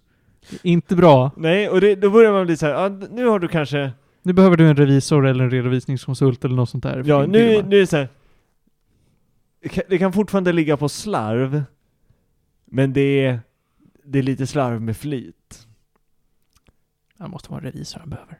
2020 800 000 Nej, Pontus! som inte Nu är, rikt, nu är det riktiga pengar. Ja. Nu, nu har man inte, oj, jag mådde lite dåligt och glömde säga och rapportera in 800 000 kronor. Mm. Och då är ju frågan 2021. Hur mycket glömde Pontus, Pontus Rasmusson. Rasmusson att rapportera in? 1,3 miljoner. 1,7. Nej, då är Martin närmast 1,4. Oj, oj, Miljoner. oj, oj. Damn. Alltså Pontus, det här Och är ju också år att- per år. Det är inte så att den här siffran växer, utan det är ju, pengarna läggs ju på hög. Ja. Och för när jag gjorde, det är ungefär 1,4 eller 1,3 tror jag gjorde, när jag gjorde servettmatten, lite beroende på mig, som ska bara in till Skatteverket av dessa, totalt. Så Och det, det är pengar som är, han är skyldig dem, punkt. Ja. Aj, Och aj, han, aj. han skyller på att han gick estet på gymnasiet va? Ja, han säger jag är ung och har dålig koll på det här och sen hade jag det lite jobbigt för att folk skickade arga brev till mig. Så jag tycker det är orimligt att ni kräver tillbaka så här mycket. Och jag var lite så här, problemet är väl inte att de kräver tillbaka så här mycket. Det är ju, du ska ju betala det du har glömt betalat. Och sen så är det väl troligtvis en straffavgift för att du har smusslat. Och då kommer man säga, nej men jag var ung och dum och hade det lite jobbigt. Behöver jag verkligen betala in? Så funkar det inte. Men alltså Ekobrottsmyndigheten är inte barmhärtiga, Nej. Pontus. det, här, det här är någonting som till och med Jokern är rädd för. ja. you do not mess with IRS. Nej, precis. Pontus, nu, nu är det så här. Nu, du driver eget bolag. Nu ringer du runt i din bekantskapskrets och frågar Hej, jag har ett litet eget bolag, jag skulle behöva en revisor. Jag skulle behövt honom för två år sedan. Ja, kanske. precis. Så att nu gör du det. Eh, därför att du kan fortfarande rapportera in för 2020 och så kan du få lite skattereduktion vet jag. Eh, på, på om du har köpt visst kontorsmaterial. så att, vill du göra det lindrigt så är det för sent, men Ja. ring nu. Boka nu. Det är kaos i Ja. kabysen. För det, det är också, han måste ju ha rapporterat in någonting för att Skatteverket har ju poängterat det här är det du har missat att rapportera in. Mm. Ja, det har gått ganska bra ekonomiskt för Pontus Rasmusson, det vet vi ju. Ja. Ja. Jo men kan man spela in Dr. Bombay så, Och köpa en rätt schysst bil. ja. Ja. Det, det kan väl också vara där att han upptäcker så här, shit jag måste sälja min bil för Ja. Alltså Theo, Theo nu, nu leker vi en lek du och jag. mm. Du får in lika mycket pengar som Pontus Rasmusson. Du tänker att oj, det här borde jag lägga på mitt egna bolag. Eh, jag borde också lägga det på mig själv, för det är ju alltid kul att belöna sig själv. Vad tänker du att du gör för att kombinera nytta med nöje? Nu skiter jag i vilken business du gör. Spelar du in en version av Bombay, tax, nej, Calcutta, Taxi, Taxi, Taxi? Ligger det på listan? Nej. alltså det finns ju en större chans att jag typ köper någon liten hamn, någon liten brygga någonstans och bara Nej men jag ska bygga Louis Bar från Luftens hjältar Titta där. och göra någon sån här fräsig tiki-bar som ingen kommer tycka är speciellt fräsig. Mm. Ska man inte, ska man inte öppna en bar på rysk mark på Åland? Ja, det kan man göra. Ja. Jag måste ändå säga Theo, jag tycker det är ett bättre förslag av, eh, att öppna Tiki Bar som en del av Theo Tappers franchise. Eh, där kan de kombinera nytta med nöje. Jättebra förslag. Ja. Och så har du till och med försökt göra varumärkesintrång, det vet jag inte om jag tycker om. Men jag, jag hade nog inte kallat det för Louis ställe, utan det hade väl hetat Theos Theo ställe. ja, det, det är inte... Jag tror att den heter Louis Place på engelska också. Ja, säkert. Ja, men det låter jättebra. Theo Ja. ställe och sen så är det uppenbart att ja, men du tycker det här är bra, men jag tror Ja, inte ja Disney men den kommer... ligger på Åland och det finns brygga så att du kan landa med dina pontonflygplan. Ja, visst. För det är något som folk fortfarande har, Ja, säger vi. Ja, visst. Ja, du kanske kan köpa pontonflygplan också. Ja, jo, det, det hade varit på en sikt investering. Jag tror att de är lite dyrare. Ja, ja men ja, visst. Eh, ja men då så, tack så mycket för att du lekte den här leken med mig. Jag tycker det verkar skoj. Ja. Pontus. Jag hade inte kört en Dr. Bombay. I alla Nej. fall. Nej men Pontus, där har du två tips från oss i Medis Radio till hur du kan eh, hur du kan tänka lite i vilka val du gör i livet. Eh, inte spela in Dr. Bombay är ett bra steg. Eh, Vill du hålla sig- till samma tidsepok? Aqua, kanske? Känns mer rimligt om man vill göra en cover? ja men det kan du göra. Nu är ju Barbie Girl har jag hört ska vara lite på topplistorna nu. Ja, så att då kan du ju göra dig aktuell med Dr. Jones kan han köra istället. Ja. Va? Från doktor, en doktor till en annan. från en doktor till en annan. Kör en cover på Dr. Jones med Ja. Aqua. Ja! Och där, pang, rakt in i väggen, ämnet var klart och konversationen stendog. Ja, men jag tror att våra lyssnare ligger förhoppningsvis eh, och tycker att det här är en jättebra idé och googla på hur mycket det kostar att öppna Tiki Bar. Ibland blir det ju för mycket skoj hörni, så vi hinner inte riktigt, utan vi bryter här. Nästa vecka då fortsätter vi med vår piratspecial. Vi pratar om Ori and the Blind Forest och vi fortsätter med vår trevliga Warhammer-snack. Det blir en timme Warhammer 40K. Det kommer bli kanon hörni. Innan vi tar och lämnar er, ja, men då drar jag in tre snabba. Först och främst vill jag rekommendera The Prestige. Eh, vilken jävla kanonfilm hörni. Christopher Nolan, vad han kan. Eh, det kan bli något av den grabben. Ja men det kan ju bli någonting av honom va? Eh, Jag är så imponerad över att han verkligen tog alla från Batman Begins och bara, jobba med mig. Gör en till. Eh, sen så har ju för fyra dagar sedan från det här inspelningsdatumet, det vill säga den 28 juni, så har ju Theos, eh, en av dina favoriter på nör- brittiska nördkåren, släppt en, en eh, ordentligt skön rap med Don Flamingo, Fall. Så blir det, lite, det blir lite tie-in i, i One Piece som vi kommer prata om nästa vecka, en kortis också. Ja men det är lite på det här pirattemat kände jag den passade in. Ja, men det och blir det. Eh, det var lite en back to form av honom. Jag, jag var imponerad. Ah, Härligt att höra. Eh, Fall alltså, med Rustage. Slutligen så, vi kommer ju nästa vecka prata väldigt mycket Warhammer och då tar vi ett av de här fina Warhammer-brädspelen, paketerat och klart, som vi rekommenderar. Det är Blackstone Fortress. Yes, och det är alltså bara plug and play, men det är ett brädspel, lite så dungeon, eh, vad heter det, dungeon crawl.